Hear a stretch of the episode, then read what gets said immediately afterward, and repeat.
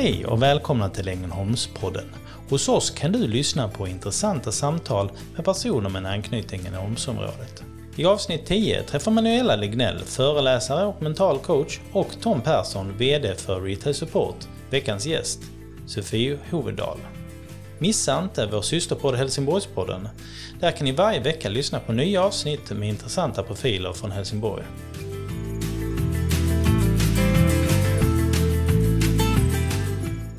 Välkommen till Ängelholmspodden. Jag heter Manuela Lignell och med mig idag har jag Tom Persson, VD Retail Support. Dagens gäst är en inspirerande och spännande profil. Hon har tagit sig igenom många utmaningar i livet och dansen har alltid varit en stark passion. Idag är hon verksamhetschef för Dansfabriken Ängelholm, en förening med 50 ledare och mer än 900 medlemmar. Välkommen hit, Sofie Hovendal. Tack så mycket. Hur känns det när man får en beskrivning av sig själv på det viset? Det känns eh, så ärande, känns det som. När du beskriver det så eh, tänker jag ju vad härligt att vi ska träffa den personen och när kommer hon? Hon är här. Hon är Hon är här. här. Ja, Jag har Det- sett fram emot det här samtalet Sofie, för du och jag har ju faktiskt en historia tillsammans.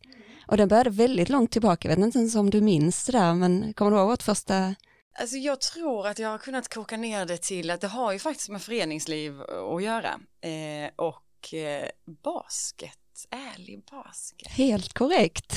Kan det vara så långt tillbaka? Det var så jag tränade i basket. Ja, jag kan ha varit 12 år, Mm. skulle jag gissa på kanske. Mm.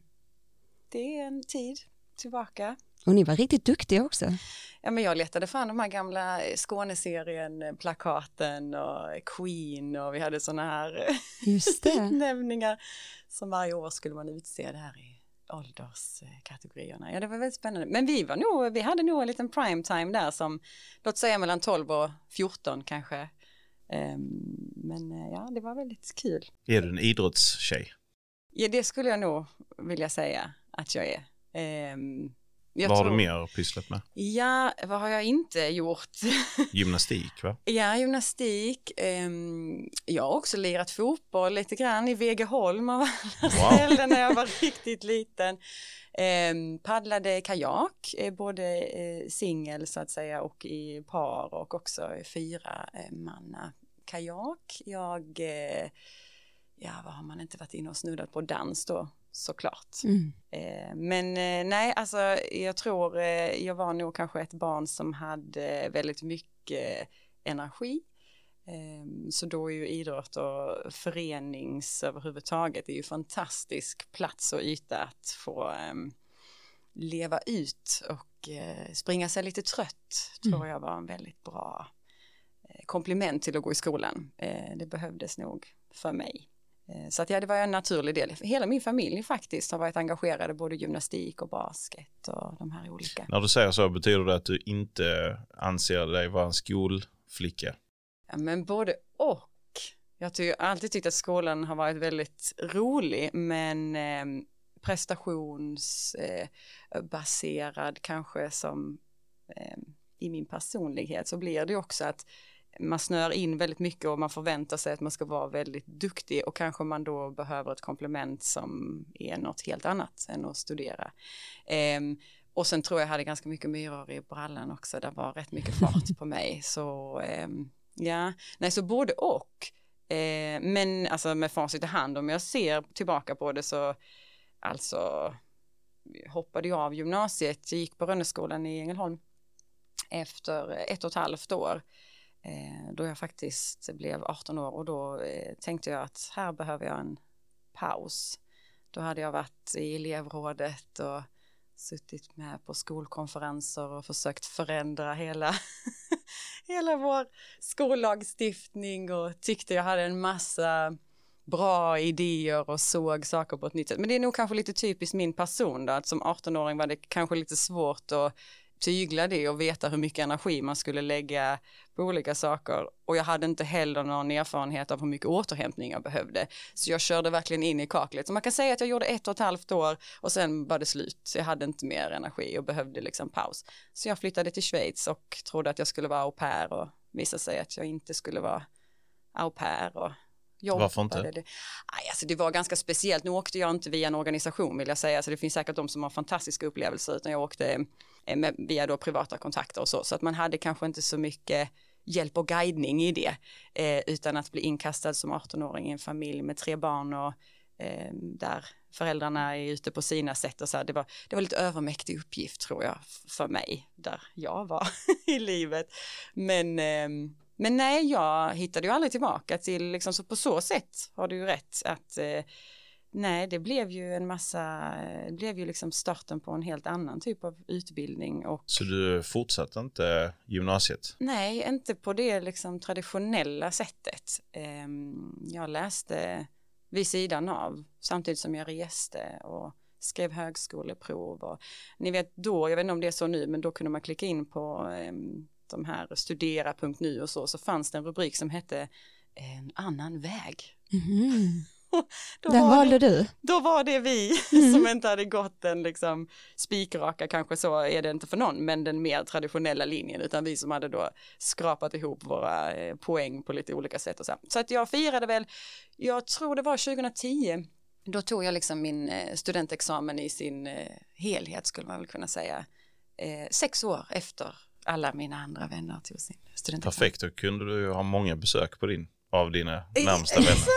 Jag hade faktiskt då jobbat på ett företag som sålde studentmössor så jag hade liksom tre olika mössor som jag hade liksom fått med mig lite på skoj då också där man hade kunnat signera i och så. Men nej, det var en ganska tuff dag vet jag när mina årsbarn då liksom mina eh, kompisar när de gick på balen eller när de tog studenten och så. För det är sådana stora markörer. Det, Mm. det är också det man liksom kämpar för och hela deras sista år i skolan kändes som att det var så fokuserat på det och den glädjen och den, så där vet jag att jag hade så här åh, vilken- Ångest. åh, bara, Ångrade åh. du dig då? Ja, då hade jag jättemycket tankar på vad ska det bli av mig och det var också många vuxna som hade den inställningen att, och som också sa till min mamma till exempel att Sofie, som att hon, gud, hon har så mycket potential, hon är så klok, hon är så duktig i skolan och, och vad ska det bli av det här nu?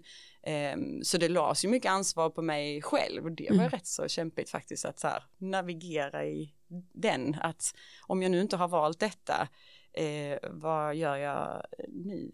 Men konstigt nog, och det kanske jag ändå får ge min mamma just där liksom framförallt, hon var ju aldrig nervös, det var hon kanske, men inte inför mig, och aldrig när hon svarade de andra heller, hon var liksom så trygg med att det finns så många olika vägar att gå. Ehm, och så den vetskapen hade jag väl lite grann med mig, det var väl därför jag vågade eh, göra någonting annat. Och nu i efterhand så ser jag ju att alla jobb jag har sökt eller vidareutbildningar eller där vi liksom har sammanstrål eller där jag har sammanstrålat med andra människor så inser jag ju vilken gåva det är att inte ha följt kanske års, eh, den här linjen med att liksom okej, du är 19 år, du tar studenten och sen pluggar du vidare eller så. här. Då hade jag ju hunnit både resa, eh, bli väldigt mycket bättre på vissa språk, jag hade hunnit få så många liksom mer eh, arbetslivserfarenhetsmöten med olika liksom, kulturer eller olika eh, stämningar. Så jag visste ju kanske när jag var 25 lite tydligare nu gissar jag ju, än andra, eh, eftersom jag redan hade provat vingarna eh, Mm. sen jag var liksom 17 och ett halvt. Eh, så jag hade kanske lite mer en, en, eh, en fördel i det då, att jag visste att okej, eh, det här är mina styrkor, det här trivs jag inte i och ja. Tänk vilken skillnad att ha en mamma eller föräldrar som supportar en i det läget när man gör någonting som är annorlunda jämfört mot resten. Jämfört med att du skulle ha föräldrar som gapade och Mm. skrek och höll med alla de här som undrade hur ska detta gå för Sofie egentligen? Ja men exakt. Ja och den oron och stressen, alltså gud jag tänker att man, man lägger över det på sina barn för att för man tänker att det är för sina barns bästa, för man vill ju deras bästa. Mm. Eh, och det är klart att det kan vara skitstressande, eh, men min mamma är ju inte riktigt, alltså där är hon lite övermänsklig tror jag i hennes eh, inställning både till livet och vilka resurser vi har. Och, så att alla vi tre barn, min lilla syster och min storbror, har ju fått en uppfostran som är väldigt liberal får vi ju säga. Eh, och där vi har varit väldigt eh, fria att också prova våra gränser och, och, och helt enkelt möta våra begränsningar. Då. Och så- Låter sunt. Mm. Ja, på ett sätt är det ju sunt och på ett annat sätt så har det ju säkert funnits eh, perioder eller situationer där man känner att okej, här hade det kanske varit skönt att kunna luta sig tillbaka på en ram eller en struktur att så här, eh, ja, men, jag hade också tider då jag skulle vara hemma så det är inte det men, men eh, det är klart att det, det, myntet har alltid två sidor på något sätt att friheten innebär också jättemycket ansvar och man växer kanske upp lite tidigare med att man får det ansvaret.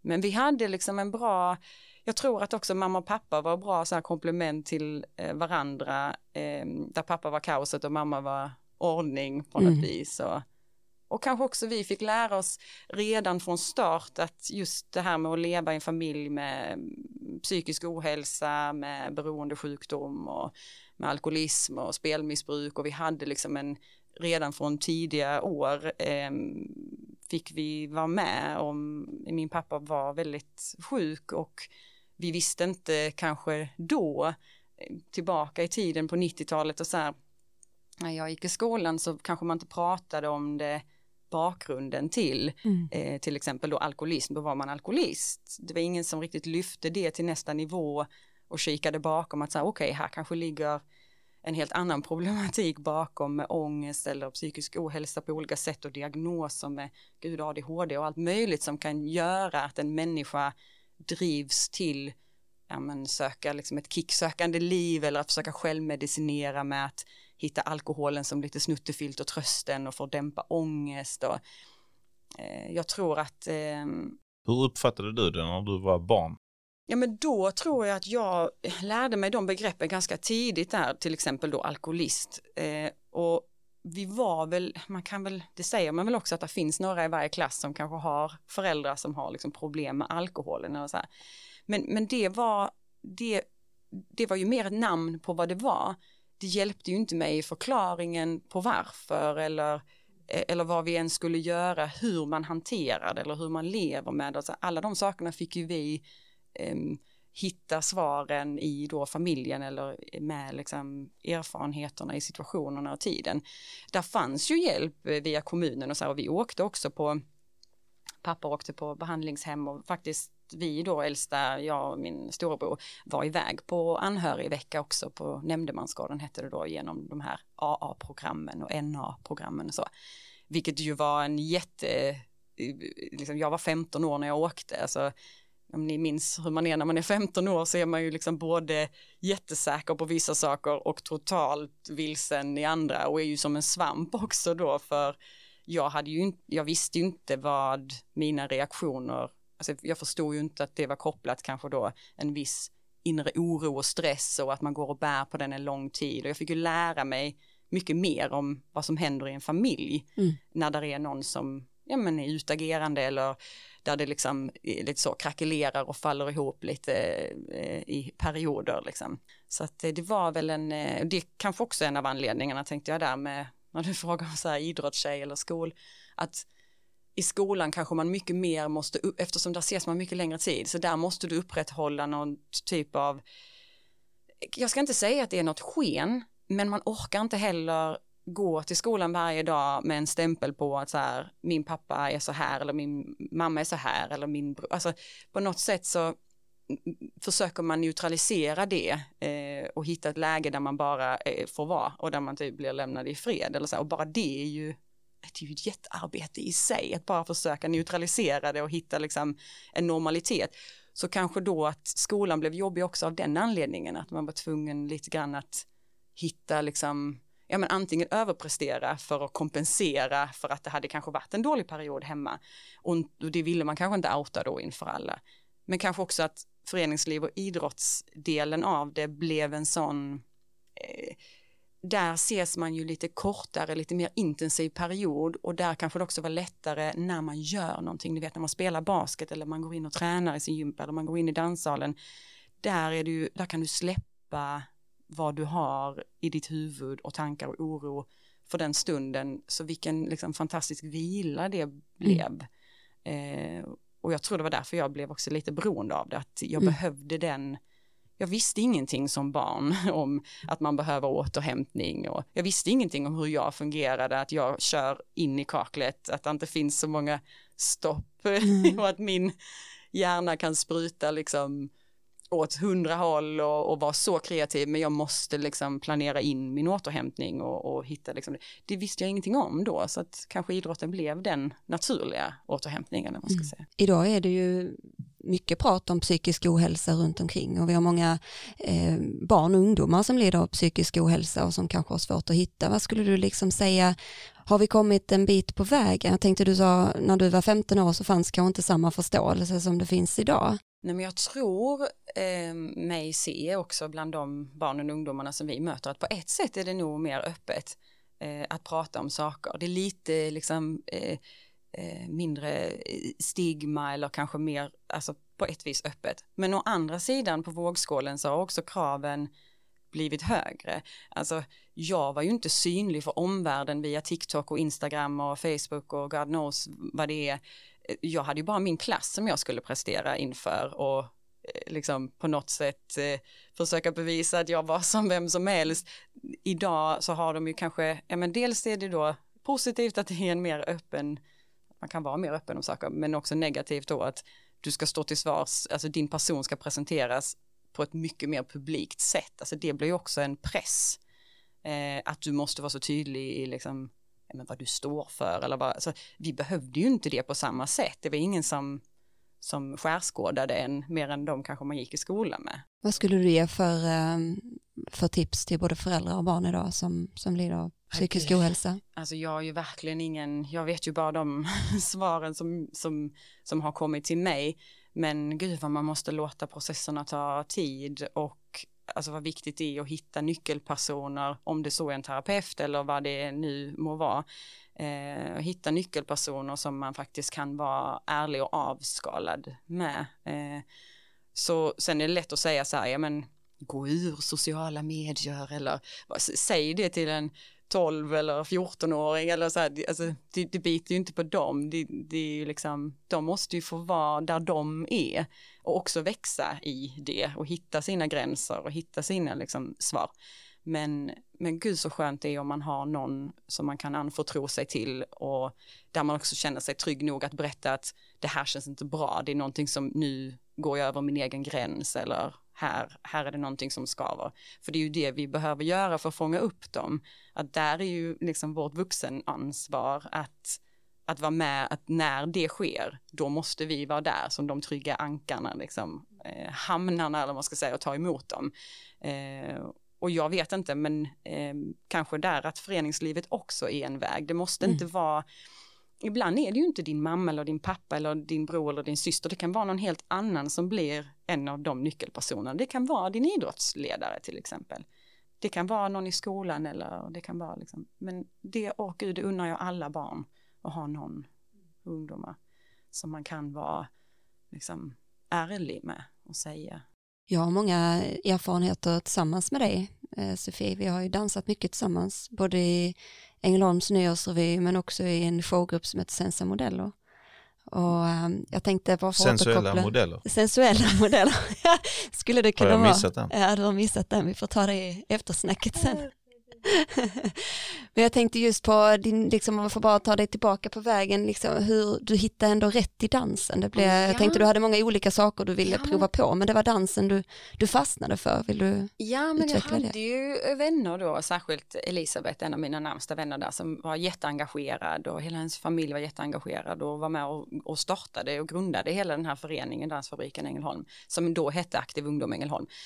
Um, men det var ju en lite naturlig övergång tror jag från gymnastiken, eh, för mig i alla fall, att hitta då till dansen. Och det sköna med det, jag var väl 14 kanske då, 15 någonstans där. Det sköna med det var att eh, dansen hade inte det tävlingsmomentet som för mig började bli lite jobbigt inom gymnastiken. Att det kändes hela tiden som att man hamnade i en situation där man skulle välja antingen satsar du och då gör man detta dedikerat och jag hade så många andra intressen som väcktes till liv med vänner och pojkvänner och man skulle liksom prova så många andra delar av ens person. Så att det var ju skithärligt att kunna komma då till dansen där många av de styrkorna som gymnast premierades. Alltså jag hade ju jättemycket gratis från att ha gympat liksom mestadels av mitt liv. Ehm, även om vissa tekniker är helt annorlunda så fanns där ändå, om inte annat så visste man hur man jobbade med sin kropp. Ehm, så det var fantastiskt att komma in i en ehm, icke-tävlingsverksamhet som hade helt andra värden och såg, eh, ja men, ja men på liksom träningen blev någonting annat istället för att träna inför en tävling och en uttagning där man skulle bli liksom bedömd utifrån det så var det mer en uppvisningsidrott mm. helt enkelt. Um, och det passade mig så bra. det var också speciellt eh, att komma in. Jag tänkte kanske inte så mycket på det då, men jag har tänkt på det mycket nu i efterhand att jag tror då tänkte jag som att dans var kanske en lite mer light version för att det inte var en tävlingsidrott. Och nu med liksom så många år i dansvärlden och i föreningen så tänker jag så annorlunda att det var liksom det modigaste man kunde göra var egentligen att gå in i en spegelsal Alltså där du skulle träna tillsammans med andra och där du liksom inte bara, du kan ju inte blunda för dig själv, utan i din process där du ska lära dig saker, så alla andra bevittnar också din process. Även mm. om de, jag förstår att de är mest upptagna av att titta på sig själva och vad de gör, så är man ändå inte, alltså tänk vilken, i, i gympahallen så hade vi inga speglar, det var ingen som såg hela tiden vad jag gjorde eller vad jag, men nu tänker jag på det som att det är den modigaste idrotten i hela världen. Liksom. Att gå in och vara i den sårbara bubblan och gud vad det också kräver, inte bara mod för den som går in, men vilket starkt ledarskap du måste ha för att navigera barnen och ungdomarna i just den sårbarheten. Mm. Um, så det är ju någonting som jag tror växte fram när jag själv också blev ledare i föreningen och att det intresset, att man märkte att det här vi har möjligheten här att jobba på ja, men att komma över oss själva, att inte ta oss själva på så stort allvar, att utmana sig själv, synen på sig själv och processen det här med att lära och misslyckas och så vidare. Att här har vi liksom ett, om vi kan få det till sin trygg plats och ett tryggt rum så är ju danssalen fantastisk för att kunna ta liksom kliv i ens person. Eh, alltså personlig utveckling faktiskt, inte bara en idrottslig liksom. Vad skulle du säga att dansen har betytt för dig? Ja men den har ju varit, jag tänker på det du sa där, att så här, det är en del av det som är allt det här spännande du radade upp som vi har gjort liksom ihop. Och jag trodde också, eh, från början trodde jag nog att det var dansare just då som, det, om man nu har intresse för dans så är det dansare man vill bli eller så.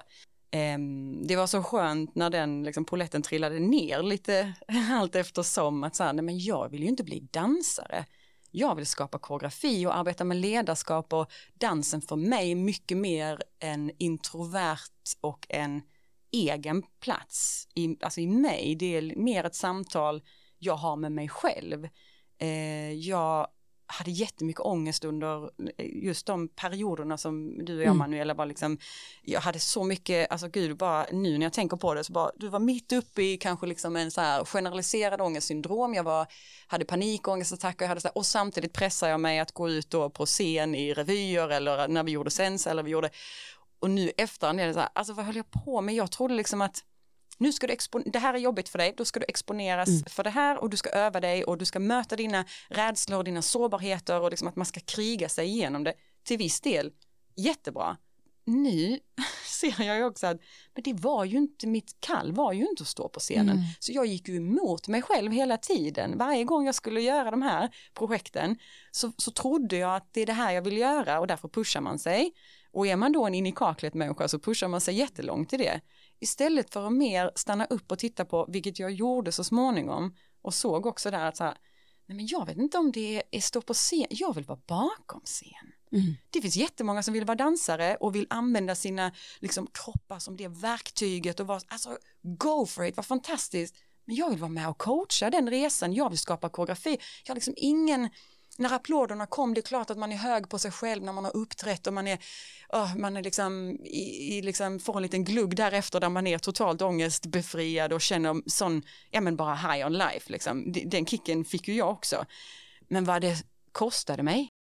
Jag minns den skillnaden eh, Sofie väldigt väl från när du väl tog det beslutet hur, hur det påverkade även dig som person, ditt lugn och ja, det är fantastiskt att få vara med på den resan. Ja, jag tror att det där hoppas jag kunna så här inspirera andra att ibland ifrågasätta varför gör jag detta?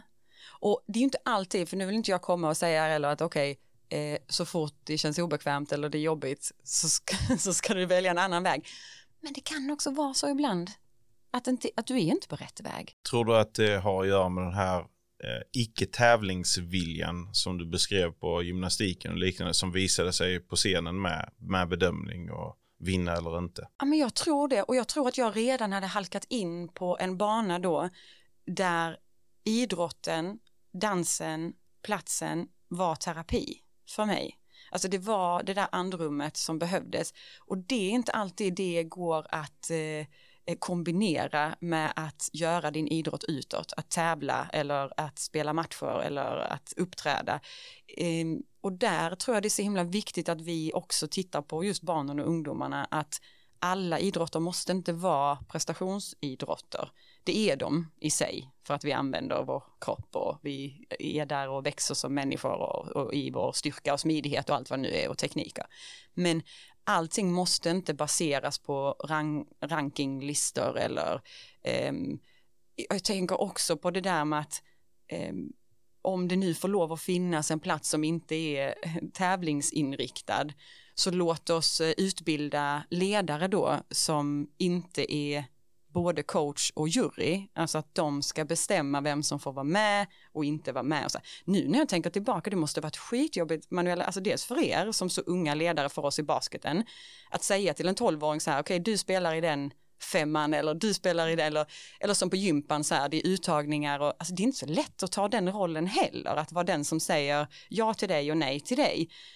Um, utan att man separerar det och låter verkligen ledaren får vara ledare och får vara coach. Den behöver nödvändigtvis inte vara jury och den som bedömer.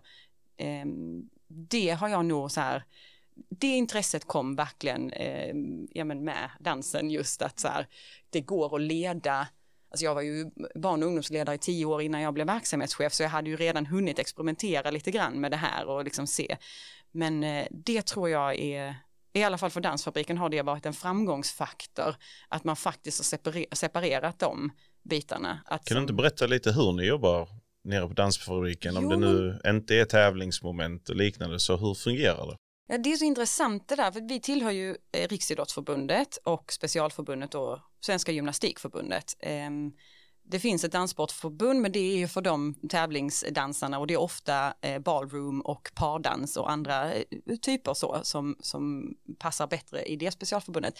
Så vi är ju liksom i gymnastikförbundet men då som en uppvisningsidrott när jag nätverksträffar eh, andra då föreningar så är det första de frågar, eh, första, men en av frågorna i alla fall som ofta dyker upp är det där, hur lockar ni medlemmar om, alltså hur lockar ni liksom folk till er idrott om ni inte har, alltså det är ingenting så här konkret att jobba inför som en tävling eller som, och hur gör ni då i urval, så alltså är det ålder, så att, för att ofta har man ju så i fotboll eller i vad det nu må vara, att det är liksom pojkar födda 07 som tränar ihop och så här, hur, hur, hur, hur får ni ihop detta? Det låter ju som en enda röra här om alla bara ska få välja själva eller att alla är välkomna. Du vet, man ställer lite så här kritiska. Det är så spännande att få vara den då föreningen och representera den föreningen där man sitter och säger så här, ja, det är inte alls krångligt faktiskt. Om man fokuserar på ledarna, för det är liksom så här nummer ett, att man har en gedigen introduktion för dem, att de är med på eh, vad vi gör här, så kan du överlåta de flesta valen till de aktiva och till deras familjer. Du behöver inte ha en audition för att eh, komma in i en viss grupp eller du behöver inte vara, vi rekommenderar att du ska vara inom den här åldersspannet eh, för den här kursen, för det innehållet i kursen är anpassat för den åldern. Eh, det kan ju vara rent då liksom hur, hur fysiskt hårt man tränar eller eh, hur man bedömer att barnen, hur mycket man kan ta in av instruktioner och så här. Så där är ju en mall för de olika åldrarna. Men lämna det fritt, för vad vet jag om dina barn Tom? Jag har ingen aning. Eller dina barn, men alltså jag, ni känner era barn, låt dem anmäla sig till de kurser, alltså anmäl er till de kurserna som ni önskar prova på. Och så kommer ju vi, kan finnas här som guidande röster eh, och, och, hjälpa på vägen. Men de allra flesta, alltså you'd be surprised. De mm. allra flesta, det går hur bra som helst att välja själv. Det går hur bra som helst att inte behöva ha en audition eller att varför, vem har sagt att en, en, trä, alltså en grupp måste vara helt homogen för att kunna ha en effektiv och bra träning? Det tänker jag många idrotter egentligen, vilket kanske många gör, men jag tänker att det finns väl ingenting som säger, alltså även om jag förstår att man ska spela ihop sig om man då ska spela match eller så här, men själva träningen, är det inte, hade det inte varit fantastiskt att de som är lite yngre får träna med de som är lite äldre just för att naturligt hitta förebilder och inspireras? Måste vi verkligen dela upp dem så mycket också i kön då? Så här, här är killarna, här är tjejerna, här är P07 och här är F07. Är det ens, alltså, har vi någon forskning på det här som egentligen stödjer att det är så här vi, vi måste göra för att det ska bli så bra som möjligt? Jag är bara nyfiken och har lyft de frågorna också i, i Riksidrottsförbundet och försökt så här, vad spännande om vi kan försöka, om vi bara tänker bort hur det har sett ut, hur skulle vi kunna göra nu? Mm. Och, och, ja, och vad är det som är viktigt? Vad är det vi vill för barnen och ungdomarna? Är det att eh, forma elitidrottare? Är det landslagsspelare vi, liksom, är det det vi är ute efter? Alla föreningar behöver inte vara ute efter det. Vi kan också se att ja, men, till exempel stillasittandet med att nu att vi lever i en digitaliserad värld, så här, stillasittandet ökar, ensamheten ökar, där är så mycket liksom, ja, men, siffror som visar och alarmerande liksom, på hur isolerade våra barn och ungdomar blir och nu med corona ännu värre.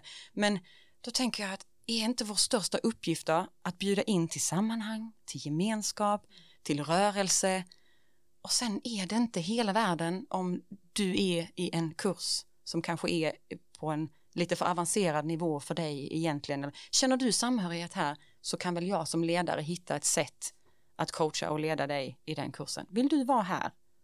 Välkommen hit.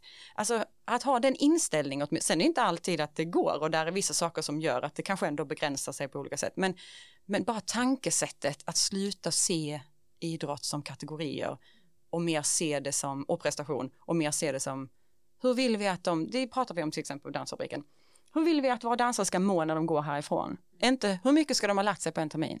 För de, de har ett inre drive redan. De är kunskapstörstiga. De vill, de har redan press på sig själva. Men kan man kombinera detta Sofie lite? Alltså kan man både ha den här, för jag var inne på er hemsida och tittade lite också, ni, ni pratar mycket om en meningsfull fritidssysselsättning. Kan man, kan man kombinera både den här glädjen och gemenskapen med en form av prestation? Vad ser du på det? Absolut. Och jag tror att det görs helt naturligt. Alltså jag tror inte att vi behöver lägga så mycket mer press och piska på barnen och ungdomarna som, alltså det, de, det kommer de med själva. Och det kanske också är färgat av det samhället vi lever i. Att de redan är så prestations, eh, vad ska jag säga, Medvet. medvetna och programmerade att de ska liksom prestera.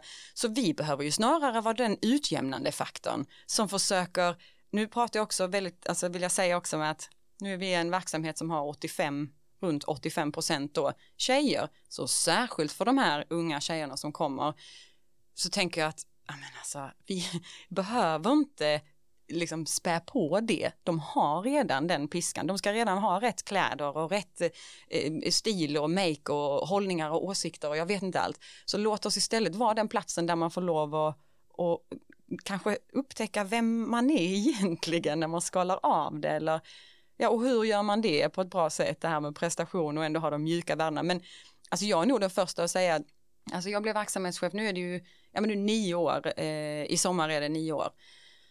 Jag har arbetat eh, på Dansfabriken som just då verksamhetschef och jag tänker att när jag trädde in så var vi också, vi hade så här lite grann nått en platå med, vi, vi var i lokaler som vi hade lite grann växt ur och vi, vi stod liksom att här kommer vi nog inte vidare med bara ideella krafter. Vi behöver anställa någon. Vi var ungefär 450 medlemmar eh, och som du själv nämnde här så liksom på den här tiden har vi ju mer än dubblat mm. vårt medlemsantal, vilket jag också tycker är lite ett bevis på att det är inte bara tävling som driver då de här barnen och ungdomarna. Det är inte, det kanske är känslan mer än prestationen på ett sätt. Och ni har också öppnat upp för dans för alla.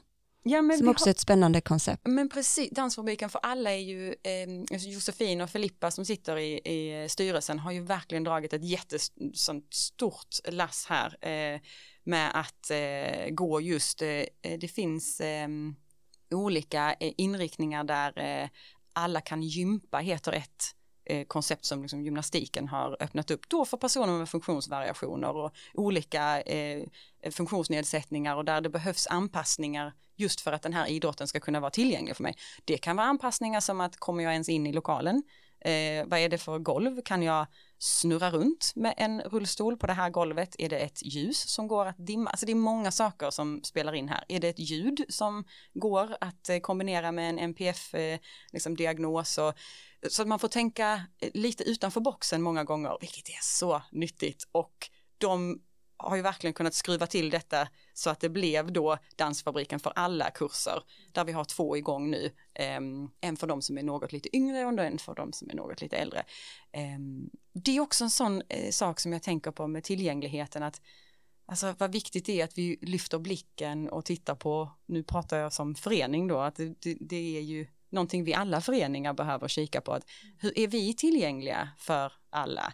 Ger, ger vi samma möjligheter att komma och, och, och, träna här och finns det en plats, eh, känner du dig välkomna? För det är en sak att säga, ja men alla är välkomna. Men du kommer ju inte komma dit, eller kommer du dit och ingenting fungerar för dig så kommer du naturligt känna, nej det här var ingenting för mig. Nej det tror fan det tänkte jag säga, om jag nu inte får svära på den. Men man, eh, det är klart man känner så om, om det inte har tänkts till och man har samlat in lite kunskap om hur, okay, hur ska vi göra nu för att, för att du ska kunna känna dig välkommen som kommer faktiskt i, ja men du rullar in i en rullstol. Hur, hur ska vi kunna liksom, ja. Det var inte alls så svårt, vill jag också skicka en liten sån här hälsning ut till det här. Det var inte alls så svårt som man kanske kan bygga upp det för sig själv och tänka att det är är man bara nyfiken och jätteödmjuk inför att man inte har några svar och man bara vill prova sig fram och alltså bara ställa frågan till de här personerna som var intresserade.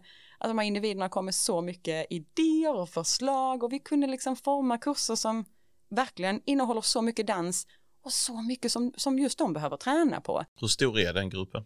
Ja men där är ungefär, nu är det ju corona här så att vi har ju en hel del som, som har pausat också eh, och särskilt i, i eh, just Dansfabriken för alla där det är flera som tillhör en riskgrupp och, och på olika sätt så.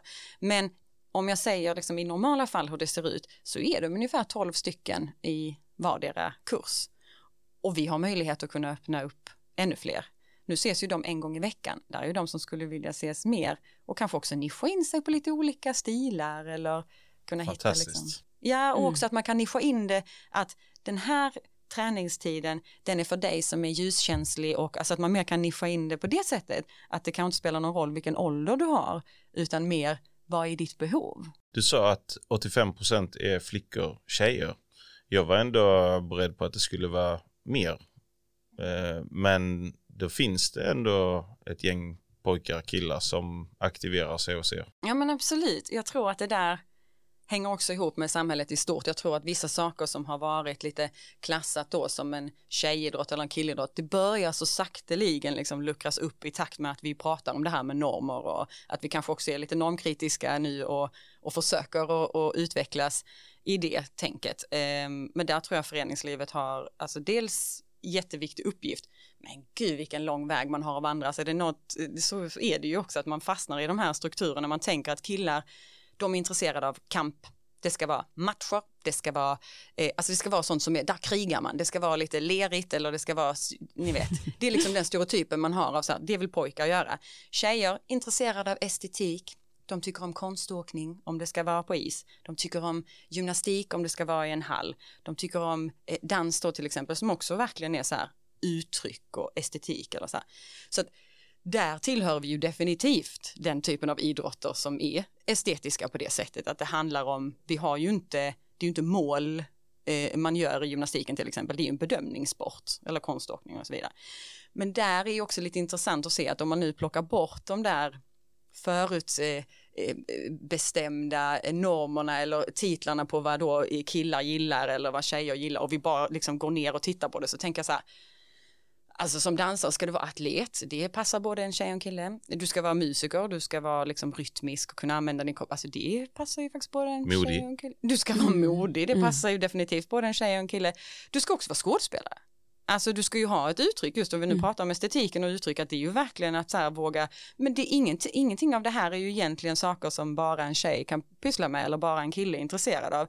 Så jag tror att i takt med att så här, samhället i sig blir lite mer öppet men också att vi eh, som föreningar börjar se det på lite annat sätt, att man inte tar för givet att killar vill kämpa och kriga och tjejer vill inte det, utan att man faktiskt liksom tänker på sin idrott eh, lyfter det en nivå och, och tittar kanske med lite andra glasögon då, liksom på hur kan man göra detta tillgängligt. För jag har full förståelse för att man som kille tycker det är lite gränsöverskridande och gå på dans. För säger du jag går på dans så har folk redan en förutfattad bild och mening att antingen så är du ju ballerina då eller så är du eh, på andra änden någon gangster eh, breakdansande. Eh, alltså, ja, det är ytterligheter på något sätt. Eh, och där är det ju vår uppgift att visa att det är tusen nyanser däremellan. Mm. Där är tusen stilar däremellan. Där är hur, det är inte antingen liksom tjejigt eller killigt på det sättet. Eh, så att eh, ja, det är verkligen ett arbete man har att göra tänker jag just med att arbeta, fortsätta liksom arbeta med just en normkritisk eller i alla fall en normmedvetenhet i det. Men sen blir jag ju lite provocerad också när, alltså jag ska inte säga, jag älskar alla journalister och reportrar som kommer och gör reportage om dansfabriken och som vill lyfta och sånt, det är fantastiskt. Men jag kan också bli, den frågan får man ju alltid då att så här, okej okay, ni är inte så många killar, hur ska ni göra för att locka killar till er idrott och så här. Så det, där är verkligen två sidor av det svaret. så här, det ena är, gud vi måste fortsätta jobba med just den här normmedvetenheten och öppna upp för att eh, visa att det här du, du är lika modig och stark oavsett om du identifierar dig som tjej eller som kille. Men den andra delen av mig vill ju liksom svara på den här frågan också och säga så här, okej okay, men var ska de ta vägen tjejerna menar du? Alltså, och vi tittar på, killarna har redan jättemånga platser inom föreningslivet. Oftast visar då Riksidrottsförbundet de siffrorna som finns. Oftast är det dessutom flest killar som är ledare. Eh, där är flest killar som har bra, eller i alla fall någorlunda bra, liksom, träningstider och prioriteras i det. Kanske också prioriteras i resurser och, och vilka pengar föreningen lägger. Så de är redan lyfta. Så om vi då ska bara ta det, vi tar Ängelholm som exempel, vår kommun. Låt oss slå ut istället så här, hur många tjejer och killar har vi som engagerar sig i föreningsliv eller idrott? Och då är det väl kanske jätteviktigt att Dansfabriken har 85% tjejer. För då väger vi ju kanske upp så att låt säga att det är 50-50 i kommunen. Det är väl fantastiskt. Mm. Um, så det är liksom en del av mig vill liksom säga att vi fortsätter arbeta med de här frågorna. Men jag tänker inte heller backa på att jag tycker att det är skitviktigt att tjejerna måste få ha den här platsen där de obviously känner sig trygga. Där de har hittat en, en, en sport och en, ett uttryck som de gillar och som de vill gå till. Vi behöver inte liksom, hålla, dem, hålla tillbaka dem för att killarna ska få komma in om ni förstår hur jag tänker. Eh, och nu vill jag verkligen säga, jag är, det, jag premierar, alltså, jag är så stolt över dem, det spelar ingen roll om det är en kille eller en tjej som är hos oss och idrottar, det är verkligen lika modigt och de är lika välkomna. Men jag vill ändå säga det att det kan liksom trycka lite på nerv i mig så här att, men var ska tjejerna ta vägen då? Alltså om inte om inte här, om inte någon. Om inte dansfabriken. Nej men om inte någon eh, liksom sätter sig ner och frågar vad, vad, behöver du, vad vill du för att känna dig trygg och gå på en idrott. För att det ser vi. Tjejerna är de som slu de slutar tidigare mm. än killarna i tonåren. Eh, de inte bara slutar tidigare, de idrottar också mindre i snitt, alltså färre pass i veckan menar jag nu då. Eh, och att de eh, eh, väljer andra saker, till exempel gå på gym då eller eh, alltså ett annat alternativ till sin föreningsidrott eller sin liksom, klubbtillhörighet eller sådär. Där, eh, det, vi, vi behöver liksom höra med dem. Vad vill ni? Vad behöver ni? Jag tänkte på, du är en, eh, eh, enormt engagerad person, det hör vi ju väldigt väl här när vi sitter och lyssnar på dig. Du ger ju liksom hela dig till föreningen och så här. Eh, jag bara sitter här och tänker lite grann, du nämnde förut då när du var 15 och, och hela den här biten med skolan att då visste du inte hur du kunde hitta återhämtning och så vidare. Hur, hur, gör du idag för att liksom orka med de här bitarna? Du är ju också ganska nybliven mamma eh, utöver det här. Liksom bara, vad gör du för att hitta återhämtning? Och... Ja, nej, alltså ska jag vara helt ärlig så orkar jag inte med mig själv Jag vet inte om någon orkar med sig själv. Men jag har också eh, övat mig i att acceptera det, att nej jag orkar inte ens med mig själv alla gånger och nej jag kan fortfarande inte dra eh, alla sunda gränser. Jag är fortfarande absolut i ett lärande när det kommer till att inte gå eh, all in på alla områden samtidigt. Men jag tycker också att det är något naivt är kanske fel ord, men det är också något väldigt vackert med, jag kommer inte kunna göra om på mig, det har jag ju insett, att jag är ju som jag är, jag får ju lära mig och, och leva med mig själv eh, och leva i relation med någon annan och leva i eh, rollen som förälder. Mm. Eh, och det kommer jag nog få dela med och hålla på med hela livet. Men, eh, men som återhämtning så tror jag också att ju äldre man blir så inser man, eller jag i alla fall, med hjälp vill jag också säga, med terapi och med olika typer av stöttningar, så har jag ju insett då att jag behöver ju schematiskt lägga in lite återhämtning på olika sätt för att annars så kommer det inte bli av. Jag har ju en unik och jättebra superkraft i det att hjärnan kan hyperfokusera, att man, jag kan verkligen gå in i bubblor som, där jag behöver inte sova, jag behöver inte äta, jag behöver inte, det är ju en sån tillgång, vilken liksom fantastisk, men det är också hela tiden på gränsen till utbrändhet och till mm. att det, det, det, är ohållbart eh, i ett långt liv att vara så på hela tiden. Mm. Eh, samtidigt som jag ändå vill liksom säga att jag, jag beund, alltså jag tycker också att det är något vackert, jag tycker något fint i det, så det är ingenting jag vill strypa i mig själv, det är ingenting jag vill egentligen liksom kväva. Det är bara det att man ska hitta balansen i när släpper jag mig själv helt fri men hur ser din arbetsdag ut nere på dansfabriken? Ja, För är alltså... man ensam anställd och tusen medlemmar då är man IT-chef, man är alltså, vaktmästare, platschef, ja, ja, vaktmästare, HR. Hobbyterapeut och man är, ja ja, man är ju absolut liksom både administrativt och man är ju också, alltså en, alltså för medlemmarna är man ju också den som eh, ja, men tar emot mejl eller svarar på, alltså man är ju verkligen allt. Eh, så alltså arbetet, det, och det är ju lite av ett problem kanske, vilket jag också har insett det här med att bli förälder, att man kanske inte kan vara tillgänglig 24 timmar om dygnet, sju dagar i veckan. Det kanske inte blir så hållbart, eh, inte för dansfabriken heller vill jag säga. Så där har ju varit under de här nio åren en resa i att hitta vad behöver verksamheten och hur kan jag optimera, alltså vad, vad behöver jag gå in och faktiskt också var ska jag delegera? Jag tänker att det jag uppskattar i en bra chef det är någon som kan delegera och som gör det att man kan lämna frihet under ansvar och stå bakom, alltså lite tillbaka till vad vi pratade om där med ledare och så här, vad är viktigt och har man liksom lagt en grund där man vet att vi står enade bakom det här, den här visionen, den här ambitionen, den här värdegrunden vi har som förening, så måste det också finnas utrymme för lite olika vägar att nå dit och kunna inspirera sig. Jag kan inte vara överallt samtidigt. Det är omöjligt med 50 ledare. Jag kan inte vara på varje klass eller ha kontakt med varje förälder eller så att det där är ju liksom en, ehm, alltså i takt med att vi har växt också så har ju min roll också blivit lite mer definierad att hur är en bra ledare och hur, hur, vilken typ av ledarskap vill jag ha som verksamhetschef? Vad, vad tror jag liksom kan, kan vara bra för dansfabriken eller så. Men jag har ju mycket mer liksom fått eh, också där se att man måste inte heller eh, när man får feeling klockan två på natten svara på mejl och så, utan där får man väl hejda sig helt enkelt och tänka att men jag jobbar inte nu, jobbar jag inte. Men det är svårt i en stad, jag är liksom född och uppvuxen i Ängelholm, man blir ju, jag har ju liksom blivit ett med dansfabriken på många sätt, så det spelar ingen roll, och det förstår jag ju, står jag på ICA, men det, ju, det kan ju komma en fråga där, eh, då kan det ju vara svårt att säga, ja, nu är inte jag på jobbet. Nu är jag ju här som privatperson. Men det är ju en bra, tänker jag, jag har inget problem med det, jag är gärna det.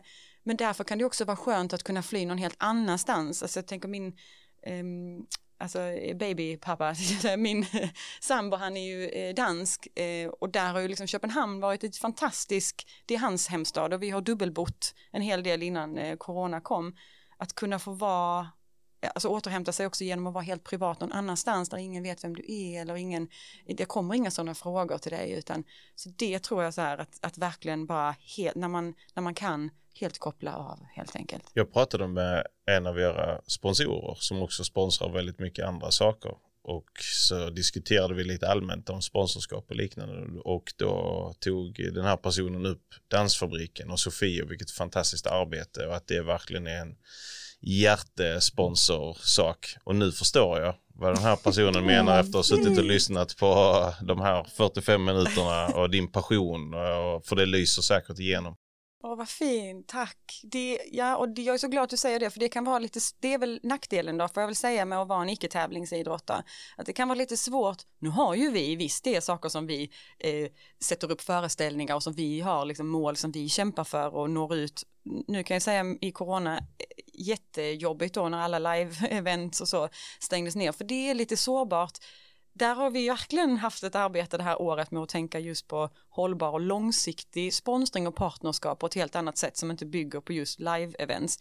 Jag det är kanske en fördom jag har, men jag tänker att som en idrott som spelar matcher och kupper och har, eh, ni vet, har så här eh, tävlingsställ och dräkter eller eh, eh, att man liksom kan som sponsor trycka sin logga där eller de har en sarg runt hela där man liksom har naturliga platser där man fångar in sponsorer hela tiden vi har ju inte de platserna. Alltså det är svårt i en spegelsal och liksom, det blir inte, det är bara dansarna som är där, det är ju ingen som ser det, så vi måste ju tänka på andra sätt.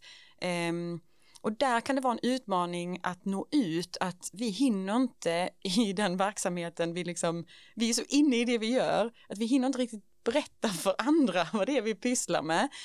Um, och där är nog någonting som jag verkligen känner att det här coronaåret, att gud vilken eh, alltså utmaning och utveckling det ligger i det att vi måste ju presentera vår idrott, vi måste ju paketera den och berätta för just företagen, för det här är ju ett samarbete föreningsliv och näringsliv där det sitter ju eh, företag inom näringslivet som bara letar efter helt rätt eller det de tycker är det här vill vi stå bakom, det här rimmar med vad vi vill, det här Alltså där tänker jag till exempel då som Backa Hill AB som har gått in som en av våra samarbetspartners att, och huvudpartner, liksom, att där hittade vi ju jättemånga saker som faktiskt alltså, gifte sig seamless. Liksom.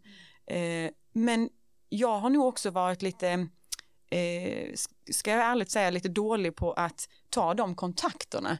Eh, för det är ju det, just när du är den personen som ska hinna göra allt, att det blir kanske vissa saker då som inte jobbas på lika mycket, som till exempel då att nå ut och, och komma ut och presentera och så.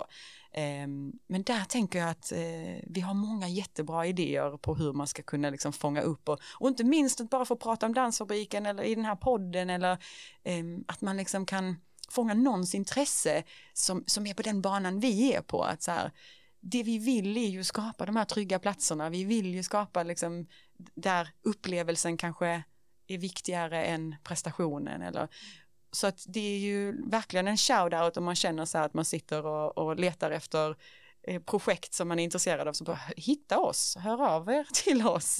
Vi behöver alla, tro mig, alltså det här året. Man, det, man blir mörkrädd när man börjar tänka på budget och siffror och liksom hela men, men även om man liksom håller huvudet högt och jag vet att det kommer en tid efter detta, det är tufft, så är det ju för många. Mm. Ehm, och ja, inte minst då behöver man ju stöttning och uppbackning från, eh, ja men dels näringsliv men ja, också så om man nu vill stötta upp och backa upp er så kan man eh, ta kontakt med dig? Absolut, info at dansfabriken.org. Där sitter jag Snyggt. Tänk, tänkte säga dag som natt, men det är det inte längre. Nej, just det, det är det inte längre. Men du, du, är du mammaledig fortfarande? Du har börjat Nej, jobba jag har ju, alltså jag vet inte om jag var mammaledig någon, jag var väl mammaledig lite, men det ligger inte riktigt i min, eh, det är väldigt svårt att inte ha ett finger med i spelet. Och så här. Men nu är det liksom fokus på att vi ska kunna vara en och en halv tjänst, bara det. Att eh, där är en administratör som går in 50 procent och jobbar med, för det är också en sån sak, man måste se vad är det vi behöver fokusera på? Min arbetsbeskrivning kan inte bara bli längre och längre och längre Nej. utan med en stor organisation så kommer ju andra mm. utmaningar liksom i det. Men Sofie har också förstått att det var en speciell process för dig att bli mamma. Ja, alltså Dansfabriken har ju, på ett sätt har jag ju redan barn. Eh, vilket inte kan sam, alltså det kan man ju inte jämföra så, men eh, där är ju verkligen, alltså det är ju inte brist på saker där tid och energi har kunnat gå till så att säga. Men, eh, men vi eh, bestämde väl oss att eh, det var barn vi skulle skaffa. Vi visste redan från början att det här kommer inte bli barn på naturlig väg utan vi visste att det var en, en liksom full IVF-behandling som skulle till med allt vad det innebär med hormonell liksom, stimulering och äggutplockning och liksom, där man mer eller mindre gör Eh, barnen i labbet så att säga.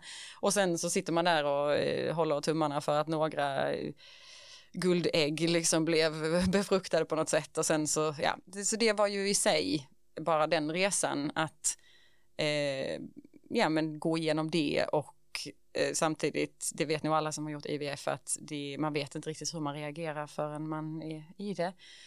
Och eh, man, eh, det är ju tusen tankar samtidigt och också den tanken att det kanske inte kommer att bli barn. Eh, och det var nog också någonting som liksom först öppnades då. Att den så här, nej det inte, kan man nog inte bara ta för givet att nu känner jag mig, nu är jag 34, nu vill jag gärna bli gravid. Ja, nu är det dags liksom. Mm. Mm.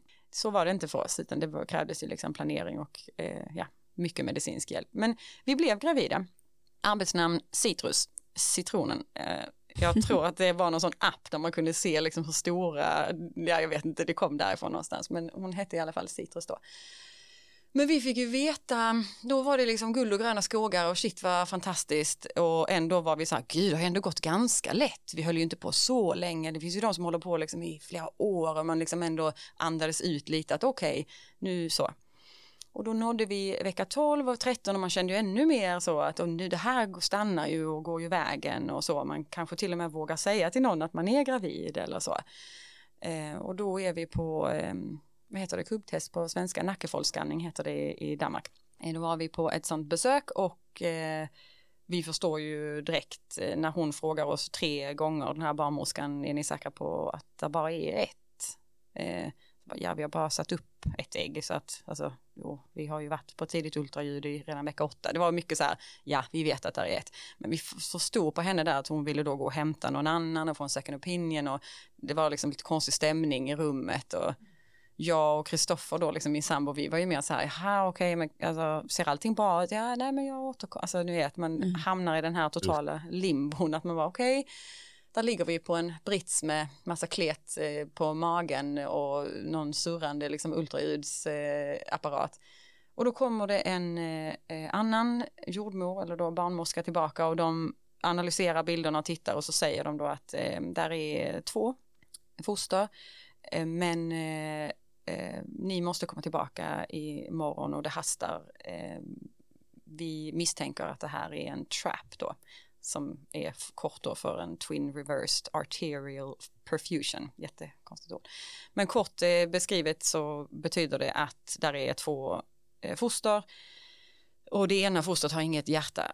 Eh, så det betyder att då det fostret som har fullt utvecklat med organ eh, kämpar och pumpar blod och så vidare och förser liksom den här, eh, om man nu ska säga eh, eh, tvillingen då som, som inte har en chans att överleva utan eh, hjälp då eh, från sin eh, ja, tvilling, då i vårt fall systrar där. Eh, så det var ju liksom en så här chock att man skulle dels processa att så här, jag trodde att vi hade ett foster i magen och att eh, allting liksom fortlöpte ganska bra till att så här okej okay, och då ställs man ju inför den då vi åkte tillbaka där dagen efter så det blev ju väldigt snabbt att så här okej okay, nu måste vi eh, följa er och Eh, vi behöver liksom, här finns olika alternativ, men vi vill säga redan nu att eh, i det här skedet så är det 70-75% av alla som avbryter liksom, graviditeten för det i prognosen är inte jättebra och så.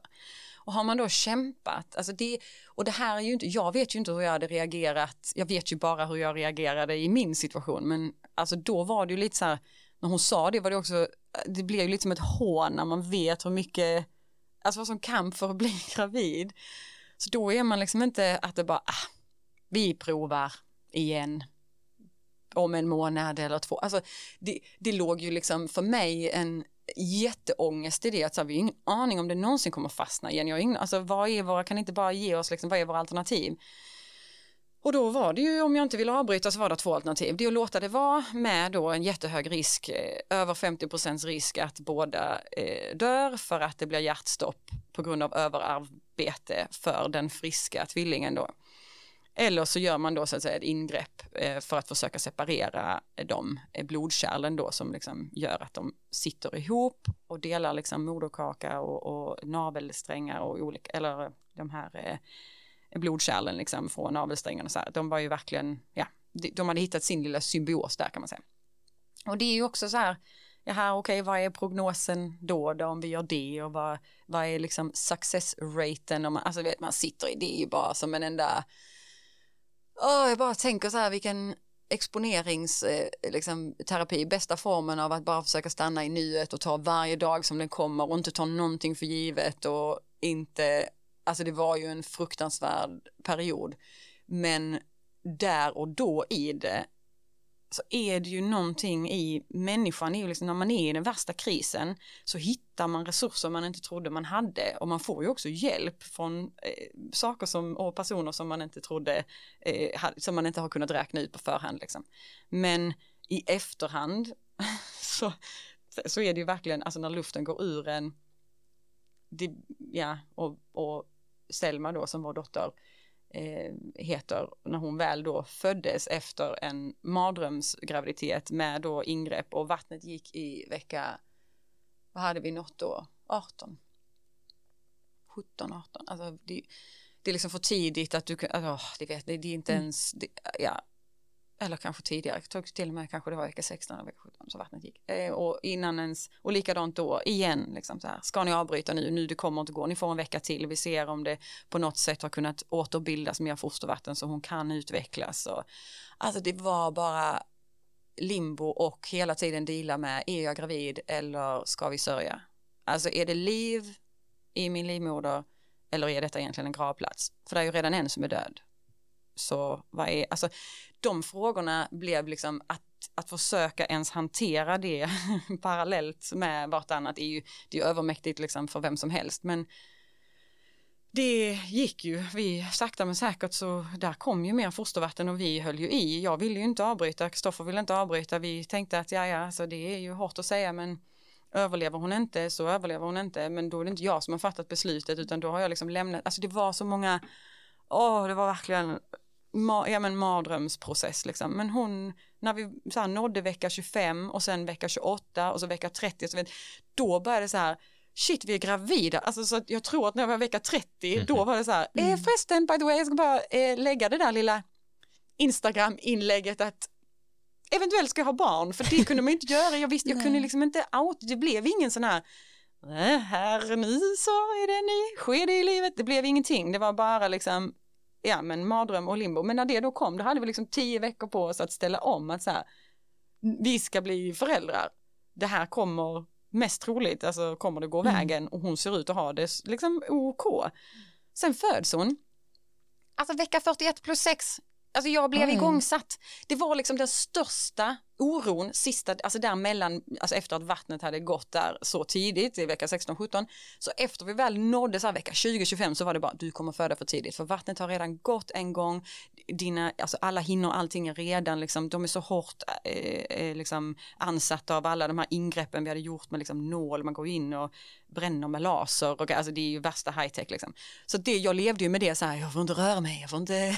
Så går på man, nålar. Vad sa du? Man går på nålar. Ja men så, verkligen går på nålar. Och är man då en person som verkligen behöver röra på sig för ens både fysiska och psykiska välmående så var ju det ännu en utmaning mm. liksom. Att så. Men när hon väl kommer ut så bara, alltså hon, har ju, hon hade ju det toppen. Hon är hur frisk som helst. Hon är eh, lite smal, kan hon vara lite liten, men det är inte så konstigt heller när man liksom har så här pumpat för två liksom hela. Men också det att i förlossningen som också var i 36 timmar, alltså och hög, sån, jag kan förstå, kvinnor är övermänskliga, jag tycker det är helt fantastiskt att man bara kan föda barn och stå upp efter det. Men att få den här nummer två som då hade skrumpnat ihop liksom i sin, för den stannade ju i, den blev ju inte längre än de 12, 13, 14 liksom veckorna och sen skrumpnade ju ännu mer liksom under tiden som gick, liksom, när det inte fanns någonting som försåg den. Så den hade ju inga vävnader eller så som levde vidare, utan men när den då, alltså man hade sett som sån, lite så, vår ovän eller vår eh, lilla... Liksom, Ostbågen. Ja men exakt, och den som man hade sett också som att kanske också, åh, nej men inte roten till det onda men ändå mm. lite. Mm. Men jag måste ändå säga det att när förlossningen väl så här, och moderkaka och allting kom ut och de skulle ju direkt, de var tvungna att rota fram och se så att allting kom ut. Um, och så hittade de den här liksom bönan eller rostbågen och då hade jag liksom inget annat än, jag hade sån tacksamhet, sån kärlek, alltså jag blev rörd bara av så här, att helt plötsligt ändrades det som att, åh du, kanske tvärtom så var du kanske vår så här lyckoamulett som har legat där inne och sett till att Citrus som då blev Selma, att hon överhuvudtaget växte och blev den hon liksom blev. Så det var så här tack i blod och kräk och bajs och allt annat som det är på en förlossning. Så mitt i det så kändes det ändå som så här tack till dig. och så var de också lite så här, vad vill ni göra med den här? Men det kändes som att då kunde man liksom, det blev liksom ett mini-closure på graviditeten åtminstone. Sen började ju, där är ju ingen paus, alltså det fattar jag inte heller att ingen har sagt. Det är ju ingen paus från att du har varit gravid och med foglossningar, vet allting som det nu är. Och sen då en 36 timmars förlossning, så är det kanske inte för alla, men jag bara menar att det är ändå, alltså hur man än föder barn så är det ju en, liksom, att bestiga Mount Everest. Det är ingen paus sen, det är inte så att du får liksom en månad eller en vecka eller typ en halv dag där du liksom så här, okej, okay, nu kan vi prata ut om vad som har hänt. Så här, du har en skrikande unge som ska kanske mm. då om du ska amma ska den liksom ta fatt i bröstet, den ska, alltså, åh gud, det är, och vi blev ju inlagda då såklart, så vi var ju också kvar där men alltså när ska man ens ha tid att bearbeta att man blir förälder? Hon är ett och ett halvt år nu, jag har fortfarande inte fattat att jag är mamma eller att, det, har, det fattar jag ju på ett sätt med dålig sömn och, och liksom blödande bröstvårtor och, och allt. Och liksom igen, så jag, det jag, har ju, jag vet ju om att jag är mamma och jag vet ju om, jag ser henne och jag älskar henne, hon är ju mitt väsen. Men, men det är ju liksom en, ah, shit vilken resa, alltså vilken... Där har vi också utvecklingspotential i att eh, prata om det här. Mycket, ja, mycket mer eh, vad som väntar efter. Ofta får man mycket vad som händer i graviditeten och, och, kanske lite förberedande för förlossningen men väldigt lite om vad som händer efter förlossningen. Alltså Kristoffer, det var eh, första han sa, han bara, nej men alltså ingen hade förberett mig på hur mycket blod och bajs och kräk var det för min del. Jag spydde så mycket, jag vet inte varför, jag kunde inte behålla någonting, jag bara kräk, men jag var också fullpumpad med massa olika mediciner och verkstimulerande dropp och hit och dit för till sist så började ju tiden tiden rinna ifrån lite så här mm. att okej okay, nu har du varit igång så här länge Alltså hur lång tid pallar man vara i aktiv liksom förlossning? Alltså jag vet inte, efter 24 timmar börjar man känna jag är lite done nu med detta. Va? ehm, och när då, jag vet att när de tog fram sygklockan då, för det blev ju också så här, de skulle liksom hiva ut henne där. Eh, så när de tar fram sugklockan då vet jag att Kristoffer han bara få i helvete nu är det kraft i mig lögn. Alltså han var helt alltså, i upplösningstillstånd över att så här, det kan liksom en grej till, alltså vad är fan liksom. Och det är så mycket folk, ni vet det rusar in läkare och mm. i och med att Selma också var högrisk, mm. liksom så graviditet och grejer. Det var bara folk överallt och sånt liksom. Aj, det är så, då sa han också, han bara, någon skulle ju bara sagt till mig eller kan man ens förbereda en pappa? Jag vet inte. Kan man? Det jag vet inte. Men också så här efteråt att här är, här är din unge. Nu ska liksom, hon gallskrek, hon är för fan skitont i huvudet. Hon hade ju precis blivit plockad med så hon skrek ju liksom i 24 timmar och är man då vetskapen om att hon liksom då, då tänker man är det något fel, är det något, alltså så jag tror Kristoffer hade nog, alltså helt ärligt, han har nog haft jobbigare om inte i alla fall lika jobbigt som som jag hade det som bar henne, alltså det här med att inte stå bredvid och inte kunna göra någonting, att inte, jag tror det behövs en, en liksom, dels dolande och liksom förberedande profylaxkurser för, alltså så här, för föräldrar, men också så här speciellt för mamman då, vad som händer postpartum, hur ska du liksom din kropp, vad som händer, tips och tricks och, och att inte förvänta sig att det går så jäkla snabbt och bounce back som på Instagram när de står och håller in magen efter tre veckor och bara I just popped out a baby. Jag tänker bara, alltså jag kissar fortfarande på mig liksom när jag gör hopp på dansen ett och ett halvt år senare. Det är lite så här, man hade önskat att det var kanske, ja och någonting som också fokuserar på pappan faktiskt. Att så här, det är inte bara liksom, åh så mysigt. Nej. Alltså jag har funderat på så många år, jag har tre barn och varje gång tänker jag hur, hur, hur valde jag, det liksom? Du har tre För barn. Alltså... Förhoppningsvis tänker jag att man glömmer ganska mycket och det är kanske det som är hemligheten, att man inte ska berätta så mycket mm. för då kommer vi inte vilja skaffa så många barn. Jag tänkte säga det, det kanske är, man kanske inte ska stanna. Men, det är men funderar ni på att skaffa fler?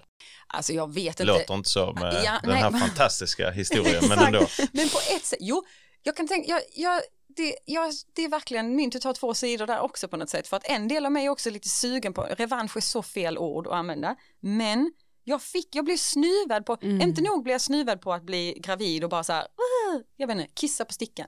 Låt mm. Jag vet att det är väldigt många som inte har det så. Men okej, okay, först snuvad på det, sen snuvad på en hel freaking graviditet. Eh, så en del av mig är lite så här, nu har vi ju eh, ett eller två ägg liksom i frysen så en del av mig är så här, okej okay, men vi kanske kan testa med dem då. Och så ser vi om jag inte behöver göra hela den hormonella stimuleringen och äggutplockning och allt annat.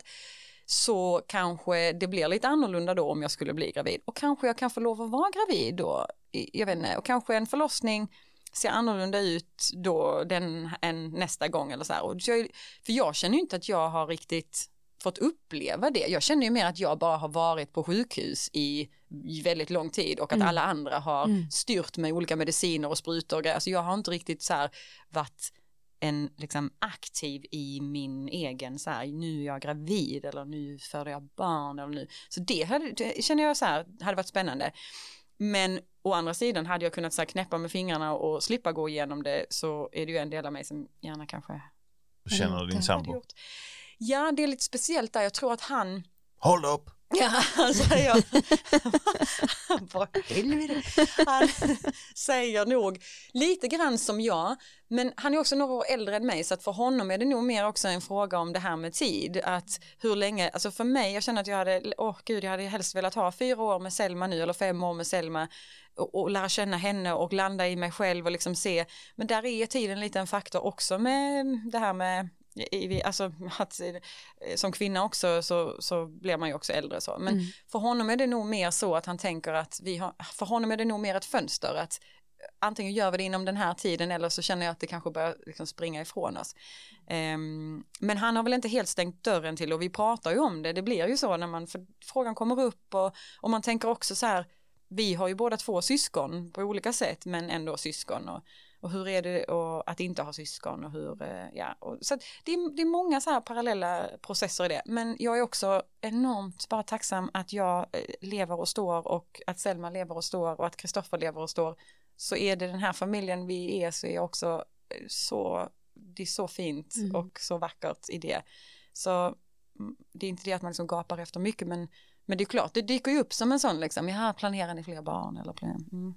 Framtiden Tack för får eh, visa sig. Mm. Ja, tack för att du delade den här Mm. eh, otroligt gripande storyn om, om din graviditet och hela den biten. Det behövde man inte ta för givet. Nej, nej, det, och det är väl också så här, men som du var inne på Manuela, man kanske också måste så här, jag vet inte, det är ju inte, det är inte så lätt att prata om, men nu har ni ju skapat en trygg plats här för mig. Bara vi som kommer höra. Ja, nej, men, jo, men också faktiskt att ni har skapat en trygg plats här och, och också preppat. Det är ju inte allting som kommer med här i, i podden. Vi har ju liksom pratat innan och att man, och det är väl det, kan vi skapa de platserna så är det ju inte läskigare utan att det kanske går. Sen vet man ju inte hur man känner om jag ens vågar lyssna på det här samtalet. Och jag tänker också att alla de här berättelserna kan ju faktiskt ge någonting till någon annan. Precis. Det kan ju finnas andra som är i liknande situationer eller som behöver få höra hur, hur olika en sån här upplevelse av en, av en eh, Någon graviditet kan pappa vara. som inte blev så sugen på kräk och Exakt. bajs Sen om du och kontaktar Kristoffer så kan han, han kan starta en sån här krisgrupp för blivande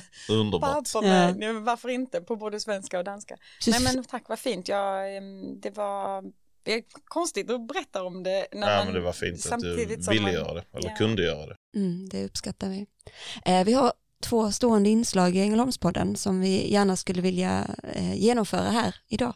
Eh, och det ena är att ehm, du har blivit ombedd att ta med dig någonting hit idag som betyder någonting speciellt för dig. Och så ska du få berätta för lyssnarna vad det är du har tagit med dig och varför du har valt att ta med den. Ja, alltså jag har ju tagit med mig en pilgrimsmussla, snäcka. Den ligger här bredvid i påsen. men jag ska visa den för er alldeles strax. Ehm, jag, Varför har du tagit med den? Ja, jag har tagit med den för att det var ju ehm, i den här eh, utbildningen i livets hårda skola som inte gick genom eh, eh, bara Rönnegymnasiet och andra instanser så bestämde jag mig för, jag hade liksom fått höra om att det fanns en pilgrimsvandring från den startar nog egentligen från flera ställen men, men just den rutten jag ville gå eh, St. James liksom väg, eh, den börjar i södra Frankrike och så går man över Pyrenéerna och över då eh, längs eh, norra eh, Spanien eh, ut till kusten eller till Santiago de Compostela då. Ehm, och jag var 24 år och hade bestämt mig för att nu är det rätt i tiden att göra den här vandringen. Och den är väl, de säger ungefär 80 mil, men man går ju mer, man går ju inne i, i städer och byar och många fortsätter också ut till kusten till Finisterre som är liksom en lite så här rituell plats där man kanske bränner sina strumpor eller man liksom bara ser, bara får möta havet efter en lång vandring längs ett land, det är ju fantastiskt. Men, men det var, jag bestämde mig för att jag ville göra den och jag hade ett fantastiskt arbete som gav mig både tjänstledig och semester och allt vad jag nu behövde så jag inte skulle stressa liksom. Ehm, men den vandringen kom att bli lite av en vändpunkt, detta var 2009 Ehm, och jag tror på många sätt så blev det en vändpunkt. Alltså dels att man bara avbryter allting man gör i sitt liv och gör något helt annat och möter andra människor som är precis i det skedet, de bara har brutit upp från sitt företag eller satt liksom allting på paus eller ja, vad de nu liksom, så det är ju en speciell atmosfär att åka och vandra på det sättet. Jag åkte ju själv men var ju aldrig ensam, där är ju liksom pilgrim. Men du menar att det är många som går vandringen när man ja, jobbar med sig själv? Jag tror det och det är många som också alltså, har det som ett återkommande, alltså just för att faktiskt, det finns ju olika anledningar, vissa går ju den av religiösa skäl och, och just då liksom andliga skäl, att man faktiskt eh, eh, ja, men connectar till sig själv och till den här rutten just. Eh, men det finns också de som gör det av sportsliga och kanske helt andra. Men, men jag tror att för många är det nog också en symbol att eh, just att ta det här avbrottet, till exempel inför att man ska fatta stora beslut eller om du har förlorat någon och du har en sorg och du bearbetas. Det var ganska vanligt när jag mötte och frågade varför människor gick så var det liksom lite så här och när jag fick frågan så svarade jag hela tiden där att så här, men jag behöver spendera tid med mig själv och jag behöver eh, med landa och, och, på något vis kanske då det var ett uttryck för, kanske jag inte visste då, men just det här med att få återhämta sig och skala bort alla mina bilder av vilken relation jag skulle leva i, vilken relation jag hade till min pappa som då fortfarande var i livet. Jag hade, det var liksom många saker som för den 24-åringen jag var, var jag på rätt plats? Gjorde jag rätt saker för att nå den känslan i mig själv som jag ville ha? Och terapi är ju en jättebra grej, men, men jag behövde nog göra, jag behövde liksom bara göra detta för mig själv, om så bara för känslan av att jag har valt att göra detta för mig själv, oavsett vad det är för svar det ges liksom. Men eh, jag vandrade och dagen innan eftersom det här var 2009 och vi är i de här eh, eh virustiderna så kan det ändå vara värt att nämna dagen innan då jag har 22 kilometer kvar så blir jag jättesjuk i AH1N1 eh, influensan som då kallas svininfluensan. Eh, och jag var ju i Spanien, ni vet det var ju inte liksom, man fick ju inte komma till sjukhus, man fick inte, ja liksom jättedum som jag var, så proppade jag mig själv med liksom ibuprofen och gick de sista 22 kilometerna. För har man gått nästan, liksom, då vid det laget, kanske gått 90 mil liksom, mm och vandrat igenom liksom olika distrikt och man har liksom, alltså det var ju otänkbart att jag skulle liksom åka typ taxi eller sjuktransport den sista biten, man vill ju gå in i liksom, mm. så jag peppade mig själv och sen så kraschade jag där på det här stora torget framför katedralen som var liksom en punkten och där plockade seniora Lena upp mig och min, eh, en annan då vän som jag hade mött där på vägen eh, och såg till liksom att jag fick husrum och vätska framförallt och så här. Eh, då jag var ju liksom jättedålig och hög feber, och så här, man fick inte lov att flyga, det var så här, och de skannar folk på flygplatser, det var ju liksom en sån här liten eh, epidemi slash pandemistämning eh, kring den här svininfluensan, att det var många unga människor som blev väldigt sjuka och så här. Men eh, det var egentligen inte den, jag fick lite lunginflammation efter där eh, och komma hem, men det var egentligen inte den, det visade sig att jag hade någon dold anemi och att jag hade bara kört slut på alla reserver jag hade, så det slutade med att jag låg i sjuksängen i typ tre månader och det utreddes om jag hade förstadiet till MS eller vad det var för liksom, jag hade mycket neurologiska besvär, jag hade mycket yrsel, jag hade mycket alltså och då total kraftlöshet och så det var svårt så här, men till sist hittade de vad det var och jag fick liksom behandling och så här. Vilket också gav mig en liten sån, just därför jag har tagit med den här, att så här, det är fantastiskt att man har liksom tankarna om att nu ska jag gå en pilgrimsvandring och det här kommer och här ska jag liksom söka svar och få svar och jag ska, och sen det du ber om när du får det tillbaka då så här, jag vill spendera tid med mig själv. Det fick du också, tre månader i sjuksäng. Det är inte alltid det ser ut så, alltså det är inte så glamoröst som man liksom tänker sig att det kanske skulle kunna vara att jag kommer hem och bara är så uppfylld och mm, vissa av mina resor har absolut varit så. Men den här var en sån jävla käftsmäll med att så här, ja okej, okay, ask and you shall receive. Mm. Um, så vad gör du nu? Så det blev ju efter den sjukdomsperioden också så blev ju det startpunkten på att så här, hallå, jag behöver tjänstledigt ett år. Jag tror jag måste jobba med dans. Jag tror mm. jag går emot mig själv som person och, och, min ambition och min vision för mycket. Jag, jag, måste nog bejaka andra sidor av mig själv. Så det blev ju startpunkten på vad som nu vi sitter här och pratar om. Eh, och, och, hade också turen, alltså det föll sig så fint, jag hade vi, vår gemensamma vän Sabina, eh, de behövde en vikarie på dansgymnasiet, och, alltså det var många saker som, som föll på föll plats, på plats. Under, under den, liksom, när man vågade bryta och, och, kasta sig ut på något sätt. Liksom. Men jag vill verkligen flagga upp för det, att det låter så här, oftast när folk berättar sina inspirerande historier så låter det också som att allting skedde i en kronologisk ordning och det ena ledde till det andra och sen så var det bara så att jag förstod. Så var det inte för mig och det är fortfarande så för mig. Så det är ingen sån här åk och pilgrimsvandra så blir du en ny människa. Så bara åk och pilgrimsvandra och kanske ligger i sjuksäng i ett par månader. Om du är beredd Du, en, du, du blev en erfarenhet rikare i alla fall på ett eller annat sätt. Att, det är så här, att man ska vara ödmjuk inför det också. Att när man väl liksom släpper och kastar sig ut så kan det komma lite vad som helst och, och inte bli besviken. Klart man får lov att bli besviken, men att så här, ha, ja, det är inte så svart eller vitt eller det är inte så A till Ö livet är. Det är jäkligt mycket kringelikrokar och fram och tillbaka. Sofia, jag skulle jättegärna också vilja be dig att dra en liten lapp i vår skål. Det är så här att alla, som, eh, alla våra gäster får eh, skriva två stycken frågor som vi lägger i en skål. Så du kan få läsa upp frågan när du har valt en lapp och sen svara på den. Ah, shit, det är ingen här av lyssnarna som ser ifall jag byter lapp. om, jag får, om jag får en som är... Jag har dratt den här, jag har inte bytt. Eh, vilken människa som lever idag skulle du helst äta lunch med? Vilken levande person. Ja men gud, det här hade jag ju behövt förbereda om jag så tänker igenom.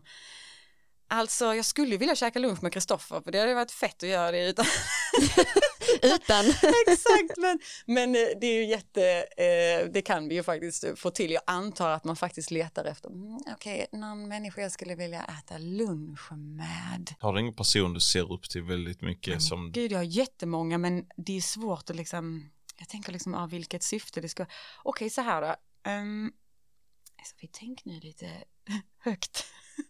Ehm, ja, men kanske jag skulle vilja, ja, men det är klart man kan gå så här danshållet, men, nej, men vet ni, jag kanske ändå skulle vilja äta lunch med um, person som Greta Thunberg tycker jag hade varit jättespännande att käka lunch med. Eh, kanske vi båda två hade suttit där och tittat på maten och tänkt att eh, kanske inte ens vill äta den här maten.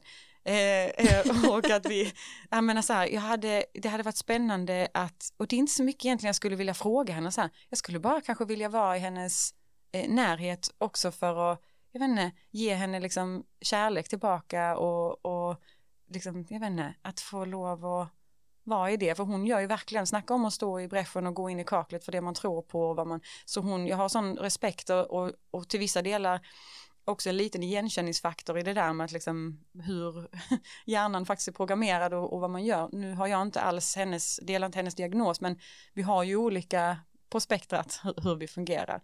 Eh, det hade nog varit spännande att få sitta med henne och om inte annat så bara, vi behöver inte prata så mycket om någonting, bara finnas till kanske. Det har varit en fin Greta, hon är ju väldigt fin alltså. Så, snacka om, ja, vi pratar om mod och sånt, alltså det är ju mm, jo, det. en fantastisk person. Det har varit supertrevligt att ha dig här Sofie. Eh, Du är oerhört modig och eh, har delat med dig till oss alla lyssnare. Ja, inspirerande. Så att vi eh, med det skulle vi vilja tacka så mycket för att du har valt att vara med i Ängelholmspodden. Tack för frågan också, vilken ynnest liksom, att få sitta här och få bara bubbla loss. Jag hoppas det blir till något vettigt, eller inte. garanterat? Får vi se. Och tack så mycket Tom för att du var Tack, med och Manuela. hjälpte till att ha Ja. ett bra samtal med Ja, det Sofie. var grymt. Tack. Tack. Tack för att du lyssnade på oss och följ oss gärna på sociala medier såsom Instagram, Facebook eller LinkedIn. Där heter vi Ängelholmspodden med E. Där kommer vi lägga upp bilder från avsnitten och nyheter om kommande gäster. Har ni tips på gäster eller andra frågor, skicka dem gärna till info Vi skulle vilja skicka ett stort tack till Fredrik Larsson som lånar ut sin låt Världen är din till oss. Låten finns att lyssna på på Spotify. Och till Pierre Boman som har gjort vår logga. Eftermiddagen är så lång Kaféet är nästan tomt Och jag är lugnet själv Där jag sitter vid ett bord en debatt, ett utländskt par Jag sitter mitt emot. Jag hör tidningsbladen vänds Sakta bakom min bil. Det skulle alltid vara vi. Tills vi blev dem. Nu är hela världen min Lika mycket som du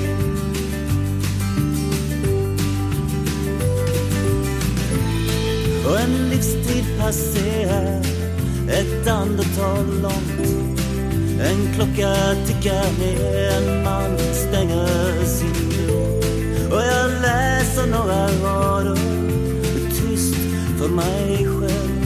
En biografi av Felicia Fält. Hennes livsresa med att i skuggan av sin liv